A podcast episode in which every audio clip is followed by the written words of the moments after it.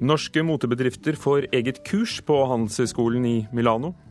Det blir en ny sesong av Unge lovende, TV-serien om tre unge kvinner der mennene spiller biroller. Er film på kino bedre enn film på nett? Og er kino bedre enn kino? Fredagspanelet tar for seg kultur, eller ukultur, i dagens Kulturnytt. I Nyhetsmorgen i NRK. Norske motebedrifter skal sette seg på skolebenken i Milano for å lære hvordan de skal selge mer klær til utlandet. Det er Innovasjon Norge og moteklyngen Norwegian Fashion Hub som ønsker å få fart på motenæringen, og som betaler for at norske motebedrifter skal få spesialundervisning. Swims, som først ble kjent for de oransje kalosjene, er en av de åtte bedriftene som skal delta, med daglig leder Alexander Eskeland.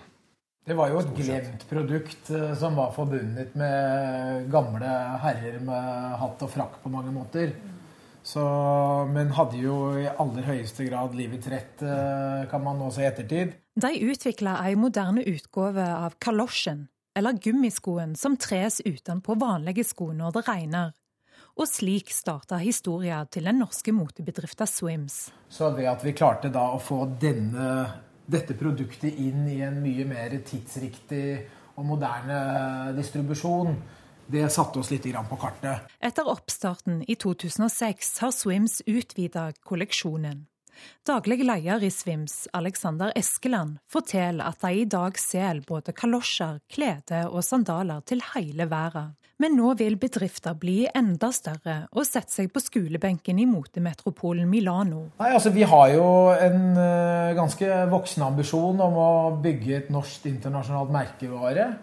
Og for å, for å komme dit, så er det jo kompetanse som er helt avgjørende.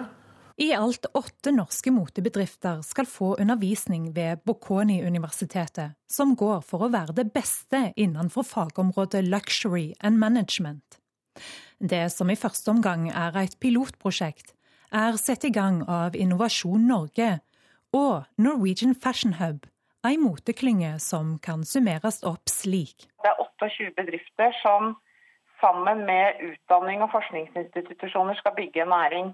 Forklarer leder i moteklynga, Linda Reffvik. Det de skal lære seg, det er eh, å få enda tydeligere kanskje med styr på merkevaren sin. De kommer til å bli utfordret på miljø eh, og bærekraftighet. Det koster fryktelig å vokse. Hvordan skal de håndtere det? Har de store nok leverandører, de riktige leverandørene osv. Norsk klesbransje omsetter for 60 milliarder årlig. Men det er det stort sett de store kleskjedene som står for. Derfor tror Refvik at potensialet er enormt også for norsk mote- og designbedrifter. Når du får en sånn type klyngestatus som Innovasjon Norge da gir denne motebransjen, så er det fordi man ser et potensial. Vi tror jo at, at, eh, at vi, Norge har et helt unikt utgangspunkt eh, akkurat nå. Det gror masse blant uh, flinke norske designere. Og noe skal vi jo leve av etter oljen. Sa Alexander Eskeland med kalosjene på. Han er altså direktør i Swims, og reporter var Helga Tunheim. Anita Krohn Traaseth, direktør i Innovasjon Norge. Får motebransjen spesialbehandling når de får dette kurset på Handelshøyskolen Bocconi i motemetropolen Milano?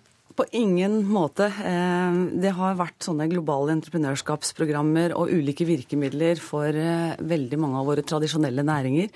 Mens for eh, kreative næringer, og da kanskje spesielt eh, mote- og designklynger, så har det vært veldig lite virkemidler. Så i 2014 så etablerte vi eh, Norwegian Fashion Hub, som er den første store klyngen. Og så har Norwegian Fashion Institute gjort en kjempejobb, så sammen med de så tenkte vi hvor kan vi øke kompetansen og skape gode norske ledere innenfor motedesign? For det handler ikke bare om design nå, vet du. Nå handler det om å skjønne økonomi, logistikk og ikke minst teknologi som en av de store driverne for å få eh, norsk mote og design ut. Norsk mote og design ut, men det aller meste av det produseres jo i utlandet allerede. Det som gjøres her, er å tegne det, markedsføre det, stort sett med noen unntak. Skrur vi tiden 40 år tilbake i tid, så var det en stor tekstilindustri. Kan det skje noe der? Ja, du har jo helt rett. på fordi På 50-tallet så var det over faktisk 900 tekstilfabrikker i Norge. Men så var det jo sånn at eh, vi hadde høydepunktet vårt innenfor produksjon på tekstil rundt 60-tallet. Men så fant jo vi olja. Og mens vi da eh, flytta fokuset vårt over til olja, så omstilte jo Sverige og Danmark til å bli en designorientert moteindustri. Så her kommer jo teknologiens betydning. Med 3D-printing, med disse nye verktøyene, så kan du ta store deler av produksjonen tilbake igjen. Men så er det sånn at norsk mote og design begynner nå å lage en merkevare rundt det vi kaller contemporary fashion. Dette er kvalitetsorientert, dette er, eh, har en bærekraftfokus. sånn at denne fast fashion, store volumene, eh, det kommer nok til å bli løst på en litt annen måte. Ikke hvor vi putter alt ut, men vi putter kanskje deler av produksjonen ut. Og så har vi eh, R&D og kanskje høy... Eh, noe, altså utviklingen? Altså utviklingen eh, til Norge. Men vi må Vil lage en industri. Made in Norway kunne være et eksportfortrinn, akkurat som Made in Italy er det for italienere? Absolutt. fordi at bevisstheten rundt hvordan moteprodusentene og fabrikantene produserer, den er høy. Her har Norge et konkurransefortrinn. Absolutt. Hvorfor er Danmark og Sverige større enn oss i moteindustrien? Det er helt naturlig, fordi at eh, mens vi da gikk over eh, og putta nesten alle kreftene våre inn i den nye olje- og gassnæringa Det er jo lenge siden. Ja, men da vet du, da utvikla Sverige og Danmark sin industri. Og i Danmark så er mote og design den fjerde største eksportindustrien.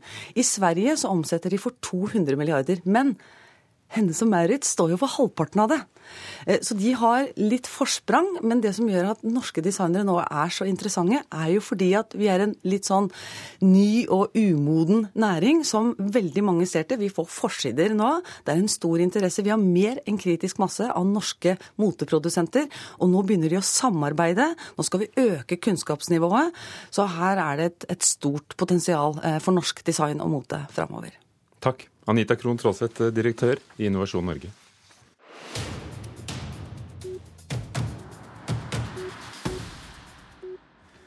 Panama-dokumentene, disse lekte dokumentene fra det store advokatfirmaet i nettopp Panama, inneholder også opplysninger om kunst, og en av de mest omtalte kunstaksjonene de siste årene. Kulturreporter Maria Piles Faasan, hva handler denne saken om? Jo, I dag skriver Aftenposten at eh, i Panama-dokumentene så finner vi nevnt nok kunstverk til å fylle et helt museum. En av sakene er eh, den såkalte Gans-auksjonen som gikk på auksjonshuset Christies i New York i 1997. Da ble det solgt kunst for 1,5 milliarder kroner, inkludert Picasso-maleriet 'Drømmen'. Og samlingen som var solgt, var arva etter Gans-ekteparet. Og dette var en auksjon som fikk veldig mye oppmerksomhet. Nå viser det seg at samlingen allerede var solgt eh, fra arvingene til et auksjonshus eid av Christies for en lavere pris. Og så ble han solgt videre til et firma som var registrert i et skatteparadis i Stillehavet. Det firmaet var eid av hovedaksjonæren i Christies, og eh, avtalen mellom partene var å dele overskuddet dersom det ble ett noe det jo blei. Et ganske fett et. Nå mener han at eh, dette kan ha vært starten på et system der en tredjepart blir brukt i kunstsalg for å øke prisene. Hmm. Osebergskipene og Osebergsamlingen, fra altså vikingskipene, de som ligger på Bygdøy i Oslo, de eh, roper om hjelp. Det gjør de. Eh, det begynte en, et stort prosjekt, en redningsaksjon, i 2012, men de har bare midler ut i år. Nå har de bedt om 30 eh, millioner kroner, rett under det, fra Kunnskapsdepartementet, det er da Universitetet i Oslo som styrer for dette, for å fortsette det arbeidet. Eh, mye av det som er gjort nå, er å kartlegge og forske på gode konserveringsmetoder. Og for når Osebergskipet ble funnet i 1904 og etterpå, så ble det brukt en konserveringsmetode som har vist seg senere at faktisk ødelegger mer enn han gagner. Eh, og noe av samlingen er faktisk i dårligere forfatning enn han var når det ble funnet for nesten 100, for over 100 år siden. Og dette ropet om hjelp kommer jo da uken før vi skal få se forslagene fra arkitektene til nytt vikingtidsmuseum som blir eh, lagt frem neste tirsdag. Takk, Maria Piles Vaasan. Det viser at du har så jævlig liten respekt for meg og meg som et fuckings menneske. Skjønner du det? Altså, Skjønner du det i det fucking hele tatt? Ok, takk. Ja, det er veldig bra. altså. Å, guri, ja, det er kjempegøy. Mm. Tusen takk, det var skikkelig gøy. Vi er langt over tida. Så det Er Shit, hvor mye er klokka? Jeg vet ikke. Kvart på Å, eller noe. fuck, du, sorry, jeg er nødt til å gå, jeg. Ja. Ok. Åh, jeg har jo ikke lyst til å gå, men uh... Kan ikke vi bare ringe deg, da? Ja. Ok. okay ja. Tusen takk. Ha det. Det. Det gjør vi. Ha det. Dette er fra Unge lovende, første sesong som gikk på NRK1 i fjor høst. I går ble det klart. Det blir en sesong to av den populære TV-serien. Det handler om tre unge kvinner som prøver å finne fotfeste og slå igjennom. Den ble sett av nesten 700 000 hver episode i første sesong, og neste uke begynner innspillingen av den nye sesongen. Velkommen, regissør Eirik Svensson og skuespiller Alexandra Gjerpen. Takk. Tusen takk. Kjente du deg igjen? Eh, ja, det tok ikke lang tid før jeg skjønte igjen den, eh, all den banningen. Det, det gikk fort. For du eh, heter jo Alexandra og spiller eh, skuespillerspiren Alex. Hvor mye av deg bruker du når du spiller rollefiguren din? ja, det blir jo en del. Altså, Siri Seljeseth, som har skrevet, vært med og skrevet serien og skapt serien, er jo vært veldig eh, Hun har lånt elementer av livene våre, da. Sånn at det har jo en del. Det er jo en, en rolle eh, til syvende og sist, men, men ja, det, det er ikke et stort sprang ifra mye av det jeg har opplevd, ja. Erik Svensson, kan du kort, for dem som ikke har sett noe av det, fortelle hva det handler om? Ja, så Det er jo tre unge damer midt i 20-åra som, eh, som er i en slags sånn eh, selvrealiseringsprosess. Altså En vil bli standup-komiker, en eh, vil bli skuespiller, og en vil bli forfatter i sesong én. Eh, Men sånn grunnlinjen i hele er jo et slags sånt eh, relasjonsdrama. eh, hvor de liksom må forholde seg til også andre mennesker i, i veien mot liksom karrieremålene sine. Eh, og Hva skal skje nå, da? I sesong to? ja, det vil jeg jo ikke avsløre. Vi, er jo, vi skal i opptak nå på tirsdag, så begynner vi. Um, og vi har jobbet med historielinjene helt fram til nå. Uh, men vi, vi bygger jo videre på uh, sesong én, men samtidig så, så starter vi ikke akkurat liksom dagen etter der vi, uh, vi slapp. Blir det annerledes denne gangen? For da Unge lovende kom på skjermen første gang, så var det mange ukjente fjes. eh, En helt ny serie, og nå er det mange forventninger. Ja, det er forventninger, men jeg eh, Altså, det blekner i forhold til hvor mye vi gleder oss til faktisk å begynne å jobbe igjen. For det er, det er stort sett de samme eh, foran og bak, og det er bare så gøy at eh, det forventningspresset prøver man liksom å legge litt til side. Er det virkelig så sjelden med en TV-serie der tre unge kvinner spiller hovedrollene og menn er redusert til biroller? Um, ja, jeg vil si at det er Jeg vil påstå at det er et utsulta marked på det, og det eh, tror jeg både Skam og Unge lovende sin suksess eh, er et bevis på. At, at folk, det er noe folk syns er gøy. Og det er ikke bare fordi det er jenter i hovedrollen, betyr ikke at det er en ren eh, jenteserie, da, i anfallstegn. Sånn som Eirik sier, det handler jo om relasjon. Det handler om ehm, kjærlighet og karrieremål, og, og det tror jeg alle kan eh, kjenne seg igjen i, selv, selv om det er gjennom øynene til tre kvinner. Ja, jeg er helt enig i det. For meg har det aldri vært noe problem å leve meg inn i problemstillingene eller forstå på en måte dilemmaene de har. Ofte så har norske filmer og TV-serier fått kritikk for unaturlige dialoger. Her får dere skryt for at eh, det virker naturlig. Og det er forståelig, det er ikke utydelig heller. Hva er oppskriften? Altså, eh, For det første så eh, stuper jo de skuespillerne våre hoved, hodestups inn i, inn i materialet og gir av seg selv og er veldig til stede hele tiden, eh, opplever jeg. Men vi, jeg prøver også å liksom legge til rette for at det skal være en slags sånn eh, frihet i dialogføringen. da, At, eh, at altså, all dialog er jo skrevet ut i teksten, men det er lov å si andre ting. Det er lov å ordlegge seg spontant. Av og til så leter vi etter hva skjer før denne hendelsen begynner. Hva, hva skjer rett etterpå? Så vi har liksom litt mer materiale å, å, å jobbe med i klippen også. og Målet er at det skal føles som vi er, at det er her og nå disse, disse situasjonene oppstår. Da. Hvordan balanserer dere det som er ramme alvor, og det som er putehumor, hvis vi kan si det sånn? Jeg syns det, det går veldig hånd i hånd, jeg. Jeg, jeg syns at det, eh, noe utrolig alvorlig kan være veldig eh, komisk, da. Og jeg syns eh, av og til så er det mer tragisk det blir, og ofte, iallfall min karakter, er veldig eh, kan eh, fremstå litt smålig. av og til. Og, det synes jeg, og for meg er jo det ramme alvor. Når jeg spiller den rollen, så er det alvor. Men jeg, altså, det er jo komisk. Altså, når, når folk er smålige, det er kjempegøy. og flaut. Takk skal dere ha. Alexandra Gjerpen og Eirik Svensson. Unge lovende ligger da på TV nrk.no hele første sesong, kan uh, sees. Og så kommer den nye sesongen dere begynner med til uken, til høsten. Klokken er 18 minutter over åtte. Du hører på Nyhetsmorgen i NRK. Politiet har skrevet ut bøter for flere titalls millioner kroner til narkomane i Oslo-Bergen. Helt bortkastet, sier rusmiljøene selv, og delvis ulovlig, ifølge en jusprofessor. Trondheim kommune har satt inn strakstiltak etter seksuelle krenkelser, vold og mobbing ved en barneskole i byen. Foreldre innkalt sent, ble innkalt til møte sent i går kveld. Og flere Høyre-ordførere er blitt mer skeptiske til å la folk flest stemme over kommunesammenslåinger. Fredagspanelet er samlet. Velkommen, Terje Eidsvåg, kommentator og filmkritiker i Adresseavisen. God dag. Du var der. Ja. Mode Steinkjer, kulturredaktør i Dagsavisen. Takk skal du ha. Og Bent Eriksen, filmskaper og inntil nylig sjef for Nobels fredssenter. Hei. Det er en fallitterklæring. Nå er vi inne på første spørsmål. Det er en fallitterklæring når kinobransjen vil tilby ferske kvalitetsfilmer på nettet i stedet for i sine egne saler. Det sa lederen for Cinemateket i Oslo om den nye strømmetjenesten Nettkino, som ble lansert for en uke siden. Er dere enige, Terje? Tja. Mode? Dere må lære dere å lage ja-nei-spørsmål, for dette er vanskelig. Jeg er enig. Det er en fallitterklæring? Nei, jeg er enig med de to andre. nei. Ja, her, her, her, her har vi tre filmfolk. To filmkritikere og en som har laget film og jobbet med film hele livet. Det er Kom nei, igjen. men ja.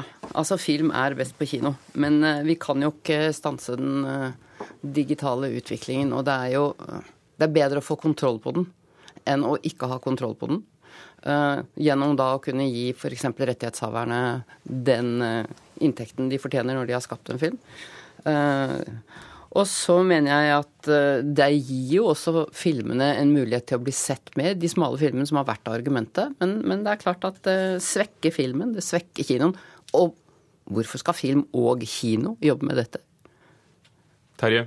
Ja, det, For meg så er det jo et paradoks eh, at i vår digitale, vidunderlige verden eh, så må vi mange år tilbake for å si sist det var så vanskelig å få tak i eh, god eh, kvalitets, eh, smalere kvalitetsfilm. Eh, lovlig, faktisk. og jeg føler jo at denne utspillet prøver å ta tak i noe av det, men, men, det treffer jo bare en liten del av problemet, nemlig noen få av de kvalitetsfilmene som går dårlig på kino. Problemet er større enn som så. I denne strømmeverden så har det hittil vært uh, uh, brukervennlighet og pris som har vært det viktigste, mens utvalg har vært mye mindre viktig for de som har tilbudt, og også for publikum. Og det har skapt et problem. Uh, kulturministeren har adressert det elendige utvalget av norske filmer på strømmetjenester. Dette det er en stor, kompleks problem, og jeg syns jo det er interessant at noe blir forsøkt gjort. Jeg tenker at det her Det virker for meg bedre tenkt kanskje enn gjort, men det er også verdt å prøve å gjøre noen nye erfaringer. Veldig enig med, med Terje, egentlig, men, men, jeg er også bekymra for hva dette vil si for kinoen. Jeg tror at uh, satt på spissen, så, så, vil nok folk kanskje vente, da. Da går de ikke på kino, da venter de heller til de kan se den lovlig, betale 100 kroner og så få den strømma. Uh, en kvalitetsfilm som de vet de vil se, men som de ikke syns det er tid til å gå og se på kino. Det viste seg vel med digitalisering av kinoene at på mange mindre steder så ble det ikke flere smale filmer, det ble flere premierer av storfilmer? Ja, og en, og en annen ting i dette her er jo da hvem skal gjøre dette utvalget? Hvem skal velge hvilke filmer som skal ut på dette lille eksklusive vinduet? Nå er det da kulturmeglerne som, som har lansert dette her. Og for å sette litt på spissen, de er da First House-versjonen til, til, filmbransjen og kulturbransjen. Hvis det er de som skal styre det, så, så er jeg enda mer skeptisk. Jeg, jeg, skjønner jo kinobransjen her, men jeg tror det, man må se på en måte filmbransjen som et større. Og, og, og det som trengs her, er, et bedre tilbud med et større utvalg også av de kvalitetsfilmene som ikke kommer på kino, og de som ikke kommer på kino på små steder. Uh, sånn at uh, For meg så virker det her som et, et uh, Jeg skjønner logikken sett ifra avsender, men, men problemet og utfordringene er enda større. Og det her er i hvert fall ikke hele svaret på, på problemene knytta til digitalisering digitalisering og tilgjengeliggjøring av kvalitetsfilm. Og hvem skal ta hånd om det? Nå havnet en videobutikk på museum i Stavanger for litt siden. Og, og man må abonnere på tre, fire, fem strømmetjenester for i det hele tatt få noe som ligner et utvalg? Ja, Det er det som er problemet. at, at uh, i, i, saken om Panama Papers så har jo mange medier samarbeida om å tilgjengeliggjøre uh, informasjon til publikum. Jeg skulle vel ønske at både kino- og filmbransjen og mange hadde satt seg sammen for å prøve å, å tilby et bedre tilbud med kvalitetsfilm over hele spekteret, også for publikum når det gjelder den digitale utgaven, men kanskje i kontrast til kino etter kino, mer enn å, å prøve å konkurrere med kinoopplevelsen. Passende at du sa det med Panama-dokumentene. Norske aviser har nemlig fått mersmak av uh, lekkasjen fra det store advokatkontoret i Panama. Nå vil de grave frem nyheter sammen. Denne uken fortalte norske medieledere at de vil bruke denne oppskriften også i Norge. Vil økt samarbeid gjøre norske medier for like? Nei. Ja. Ja. Jeg er ikke så veldig redd for det. Eh, ser man på hvordan det står til den norske mediebransjen i dag, så tror jeg vi har store behov for å tenke eh, tettere samarbeid eller mer samarbeid. Eh, de små avisene eller mediene har ikke de store ressursene til å kunne dra dette alene, enten det er på lokalplan, regionalplan eller, eller, eller, nasjonalt, for den saks skyld. Og jeg tror at det, det, å i større grad kunne tenke at de store, tunge gravesakene skal man kunne samarbeide om, det er bare sunt. Men samtidig så må man da ha eh, en, en, tanke for dette mangfoldet som faktisk norsk presse skal ha, og gjennom det ha ordninger som gjør at man ikke eh, får for mye likhet. Ja, og det er jo akkurat det som er problemet, tenker jeg. Altså, All respekt til Aftenposten, det er jo virkelig moro å åpne avisene for tiden. Men det er eh, Altså, hvor går grensen for når mediene skal slå seg sammen? Og norske journalister har en tendens til å løpe i flokk. Det blir ikke mye gravende journalistikk av det da, tenker jeg. Altså, ja. Mitt, mitt, ja her skyldes en, kanskje en litt annen definasjon av ordet, eller en usikker rundt hva samarbeid betyr. Eh, for meg så er det en grunnleggende forskjell på samarbeid og samkjøring. Det som i alle fall ikke trengs, er mer eh, samkjøring. Og i dag så er det allerede en så sterk eierkonsentrasjon i norske medier, hvor det pågår allerede et utstrakt samarbeid eh, mellom innenfor konsernene. Men, men å samarbeide på en åpen måte har jo mye for seg. Men det er også viktig at noen bedriver mediekritikk, kildekritikk kritikk, og, og også stille spørsmål eh, ved de sakene som media bringer frem. Eh, og da tenker jeg at det er viktig også å beholde på en måte, og styrke på en måte forskjelligheten også.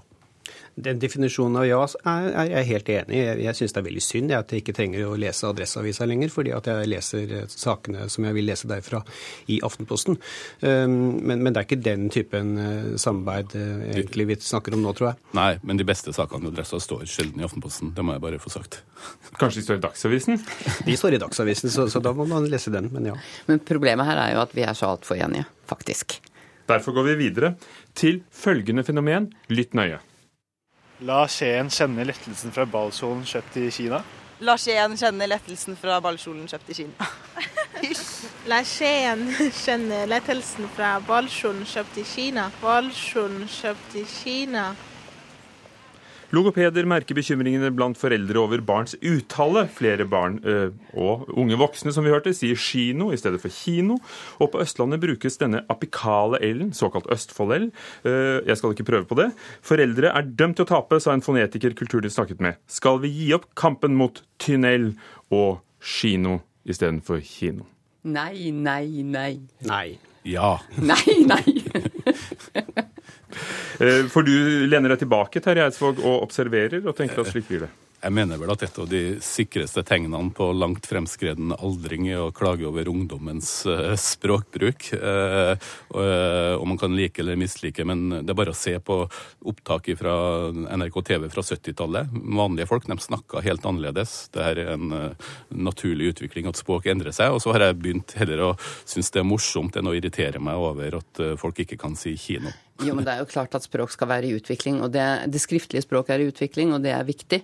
Eh, men problemet blir vel klarer man da, når man uttaler og sier 'skjære deg', eh, klarer man å skrive det riktig? Altså hvordan det syns jeg også er interessant. Hvordan har dette oppstått? Og så syns jeg det er interessant, skjer det samme i andre land? Kan noen forklare meg om dette skjer i England eller Frankrike? Jeg tror dette skjer overalt på, på forskjellige måter. Jeg tenker at, eh, at, vi får ikke stoppa det. Vi kan godt bruke logopeder og alt mulig, men, men jeg tror likevel at det er greit å ha en stor bevissthet rundt dette her.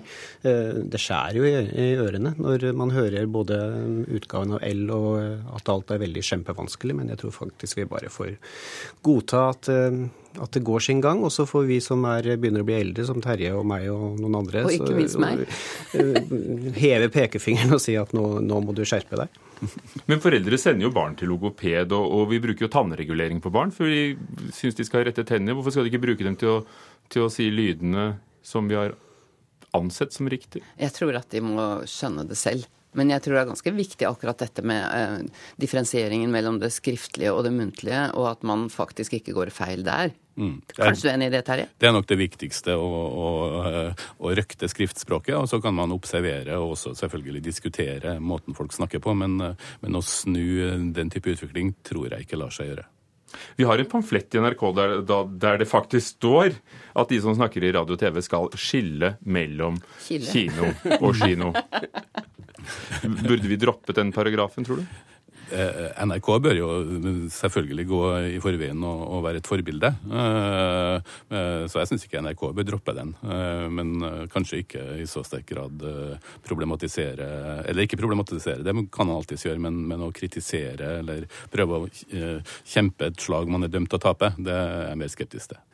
Men det er jo definitivt eh, NRK eh, på skolen, lærere, eh, barnehagepedagoger det er foreldre. Der, foreldre mm. det, er, det, er, jo det som må være forbildene for dette her. For hvis barna selv får styre dette her, og det gjør de jo i veldig stor grad, så vil vi leve med, med så, denne Østfold-Ellen.